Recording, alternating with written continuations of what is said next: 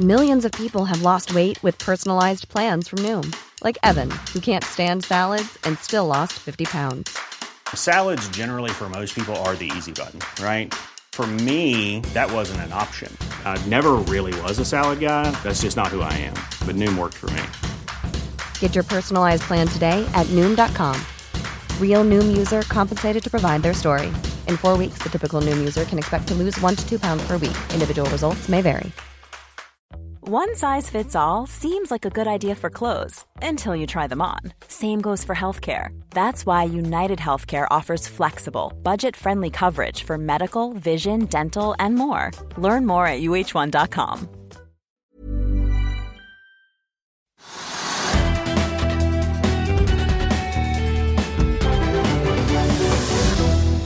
til Økonominyhetene i dag tirsdag. Vi skal i dag innom Oslo Børs, vi skal også innom Europa og USA. Vi begynner med noen hovedpunkter fra markedet her hjemme. Vi tar med oss at BlackRock har solgt 9,3 millioner aksjer i Scatec Solar, og aksjen faller tilbake 4,5 Ferd benytter sjansen til å ta gevinst etter at DNB forrige uke la inn bud på S-banken. Ferd, som var syvende største aksjonær i S-banken, har solgt alle sine aksjer med en gevinst på rundt 340 millioner kroner. S-banken faller nærmere 1 i dag. Tin Film Electronics stiger etter at selskapet har meldt en betydelig fremskritt innen kommersialiseringen av diverse produkter, og aksjen er opp 7,5% Vi tar også med oss at ABG Sundal Collier økte topplinjen med 181% i første kvartal, sammenlignet med samme periode i fjor. Aksjen stiger nå 4% Oljeprisen styrker seg, og vi er over nå 67 dollar per fat igjen, men Oslo Børs faller tilbake i dag, Trygve, og er ned 1,2% akkurat nå. Ja, vi har en dårlig dag, og ganske kraftig ned. Og hvis du ser på kurslisten, så er det rødt overalt. Liksom du kan lete og lete, og lete, så finner du grønt noen få steder. og Det er kanskje da noen shippingselskaper. fordi at liksom Tank og tørrlast er fremdeles litt populært, men det er jo ikke noe rask vekst fordi at markedet generelt er så mye ned. Så er du heldig, så finner du en liten oppgang på Frontline og en liten, liten, en liten oppgang på Hunter. Jinhue er også blant aksjene. Ja. ja. Men, men, det er omtrent det du finner av grønne tall på listene. Det er rett overalt. og og ja, Vi kan jo nevne da for så vidt ha grønt, det som du sa, nemlig det interessante greier. Nemlig at ABG Sundal Collier er opp 4 og de som du sa, de har økt inntektene kraftig, altså i første kvartal med liksom nesten 200% Og de tjente en kvart milliard kroner, og de hadde en omsetning på 700-800 millioner. Det er kanonbra, for det, jeg, tror, jeg tror de har ett kvartal tidligere som har vært bedre. Så kan du si, Hvorfor tjener de så masse penger nå? Eh, sikkert andre meglere som også tjener penger. selvfølgelig. Hvorfor tjener de så mye penger nå? Jo, fordi at folk er jo gærne skal på børs alle sammen. Så de, de har sikkert hatt 20 eller 30 eller 40 plasseringer på børsen. Og det tar de godt betalt for. Klekkelig betalt for da, å være rådgiver. Og, og tilrettelegger. Ja. ja, så det tar de så masse betalt for. Eh, så det gir kjempeinntekter. Og så lenge da det løper nå med da nye, nye plasseringer på de forskjellige børsene hver dag, så kommer de til å tjene enda mer penger. Jeg tror jeg så det, de sa det at de hadde 40 prosjekter liksom, i sin hånd da, som de skulle bearbeide og komme, eller ville komme etter hvert. Så Det betyr at de kommer til å tjene masse penger i andre kvartal også. Så det er, ja, Bare i går så fikk vi to nye børsnoteringer på ja. Euronex Growth. Nå er, det, nå er ikke ABG Sundal alene på det markedet. Da. Det er liksom andre meglerhus, Pareto eller DNB Markets eller hva det måtte være. Sparebank Markets. Det er mange som fighter om dette, her, men her har de åpenbart vært flinke til å posisjonere seg. Fått da kunder som da skal på børs geleider inn, tar godt betalt og tjener da en kvart milliard på et kvartal, det er bra. Og Da er det ikke noe rart at den kursen gikk av 4% Nei, det var blant de eh, aksjene som steg i dag. Vi har eh, en rekke andre aksjer som faller tilbake. To av dem er innen landbasert oppdrett, Trygve. Hva tenker vi om det? Ja, det, ja, altså, det er ikke noen lov at de skulle gå dårlig, men det har vært mange som er skeptiske til landbasert oppdrett. Eh, poenget med å ta det på land var at man skulle unngå sykdommer i sjøen og alt det som da var ubehaget der, og, og og at liksom fisken forsvant ut av, av, av merdene. Eh, det har, det har, vi snakket om mange ganger i mange år. Man kunne år. også liksom, eh, hva heter det for noe, sikre seg mot sesongmessige ja, altså, alt, alt tilstander og ja, Alt talte for at det kunne være bra å gjøre på land istedenfor i sjøen. Men det har ikke vært så lett. Og så fikk vi da de tallene fra Miami, de der Sapphire-selskapet, som har falt kraftig. Fordi de da ikke klarte å levere i tide og leverte for lite. Ja, Det var mye fisk som døde også? Og masse døde masse fisk. Og nå kom da meldingen i dag om at uh, et selskap som da er kontrollert av uh, Grieg-familien i Bergen, hvor da Per Grieg, uh, det mannlige medlem av, av, av søskenklokken, at han da er styreleder osv., og, så videre, og de har da åpenbart fått problemer da med sitt anlegg. Jeg vet ikke helt hva som har skjedd der, men eh, Det er vel egentlig det er vel også låne... Ja, ja, altså, det, ja, jeg har ikke sett så mye med anlegget, men det er riktig det som Finansavisens oppslag der, var at jeg har på en måte vært på jakt etter å låne penger. Og de hadde sagt over lang tid at de hadde to japanske banker, for at dette anlegget ligger i Japan. ellers ville det vært merkelig, eh, som da skulle gi de rimelig gode lån. Så vidt har de åpenbart ikke fått de lånene. Det er sikkert mye usikkerhet og har kanskje ikke klart å legge frem da gode nok beviser på at de kommer til å tjene penger. Eh, og så har de da jobbet da nå med norske finansfolk for å få på plass et obligasjonslån, som blir sikkert ganske dyrt.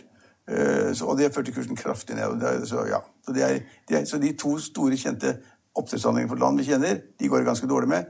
Det går veldig dårlig med aksjonærene. Og i, og i Atlant, Atlant, hva heter det for noe? Atlantic Sapphire. Atlantic Sapphire i Miami de har jo da, har jo da, har jo da en av de mest fremtredende investorene på aksjonærlisten.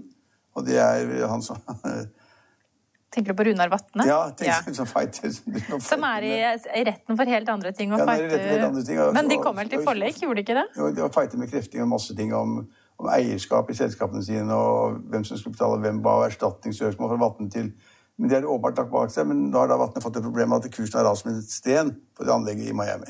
Ja. Eh, og så kan vi ta med da en gladnyhet innenfor laks. Det er at Movi slaktet mer laks enn ventet i første kvartal, og de slaktet da i overkant av 125 000 tonn laks, som gjør at aksjen er opp 2,1% Så det at eh, den lakseaksjen stiger da.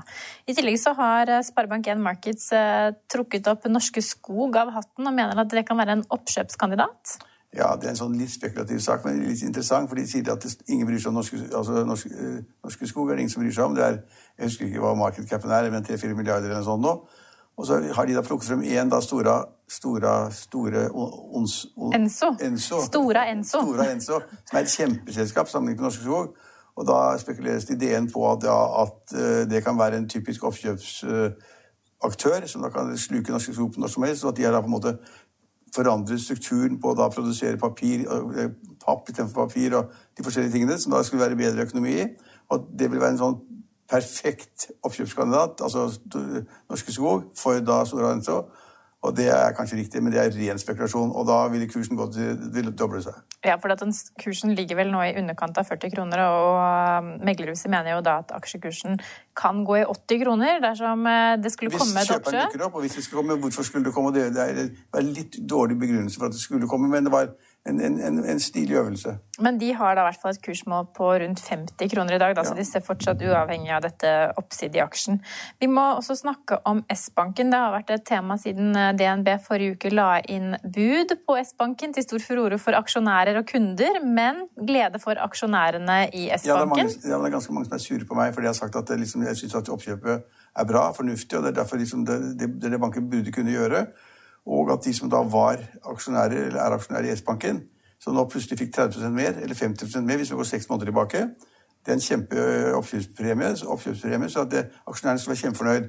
Og så er da mange blitt kjempesure for at vi sier at det er bra, for det er så fælt, for at DNB er da angivelig angivelig så elendig når det gjelder kundekontakt og service og hva det måtte være. Og så er det dannet grupper da på, på, på sosiale medier som da på en måte angriper da DNB, og også meg litt, for at man tilhører en annen oppfatning enn de som da på en måte er sure på DNB. Men det kjøpet til DNB kommer til å gå gjennom. Også da kom det melding om at da Ferd-gruppen, Johan H. Andresen, som da har sittet med ganske mye aksjer da i S-banken, ganske lenge, helt siden 2015, at de har solgt alle aksjene til DNB. Men så det- sies det og så har da, så har da oppkjøpsrådet Altor også solgt sine aksjer.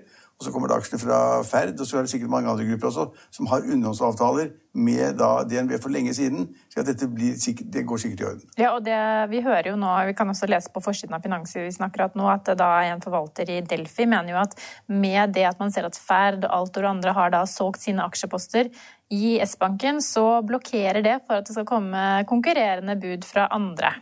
Ja, det er, det er, det er sannsynligvis riktig, fordi at øh, da er det såpass mange aksjer i S-Bank S-Bank allerede er på DNB-hender eller andre hender. Så det, og da må det bli en kjempeoverskudd, så det er ingen som gjør det. Så det som nå kan skje, det er jo det at liksom da, av en eller annen grunn konkurransemyndigheten ikke godtar oppkjøpet, for, for eksempel, da, på grunn av at det reduserer konkurransen, så kan det jo tenkes da at DNB, hvis de teoretisk da må liksom da frafalle budet og gå fra, gå fra dealen, så vil kursen da falle fra 105 kroner eller 104 kroner til 80 eller 70 kroner. Det er ikke så veldig gøy for aksjonærene.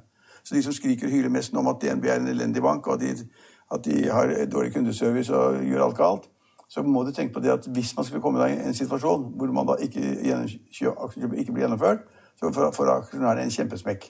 Og du er kunde i Nei, jeg er kunde i DNB, men jeg er næringslivskunde i DNB. Ja, det er, Ja, og jeg er personkunde i DNB, så da har vi fått sagt det, da. ja, ja. Men, Men, men, eh, men poenget er at eh, Alle klager over dårlig service og dårlig, dårlig merkevare og alt som er. Jeg, jeg har ikke, ikke noe kjennskap til det. Jeg skal ikke skryte av den heller, men jeg kjenner ikke til det. Hadde det vært en dårlig bank, så hadde jeg skiftet bank. På lederplass i dag, Trygve, så er det bitcoin som diskuteres. Ja, jeg prøver å liksom fortelle hva det egentlig går om. Altså, at disse prissvingningene kan være 10% på en dag. Og liksom, 15% i løpet av helgen. Ja, og det, og det er litt skummelt å være der. Du liksom skal ikke være veldig nervøs hvis du sitter på bitcoin. Men på den annen side er det gøy at noen er der. De skaper et liv, og det er liksom tilbud og etterspørsel, og det det er det som avgjør prisen. Men det finnes ikke noen fasit på hva, hva en bitcoin skal være verdt, så det er kjempeskummelt å være der. Og så er det livsfarlig hvis man da tror Det er ikke så mange som tror det ennå lenger, da.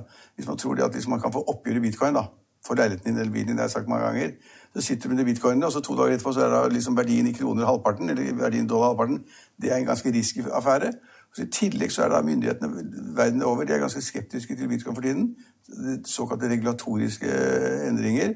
For de er redd for å ha da den bitcoinen løpende rundt der. Det er ikke noe sikkerhet for det, man vet ikke hva de gjør.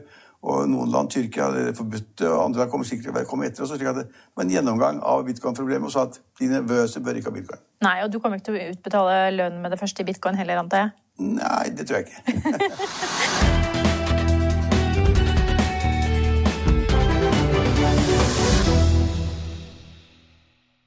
Økonominyhetene er en podkast fra Finansavisen. Programledere er Marius Lorentzen, Stein Ove Haugen og Benedikte Storm Bamvik. Produsenter er Lars Brenden Skram og Bashar Johar. Og ansvarlig redaktør er Trygve Hegnar.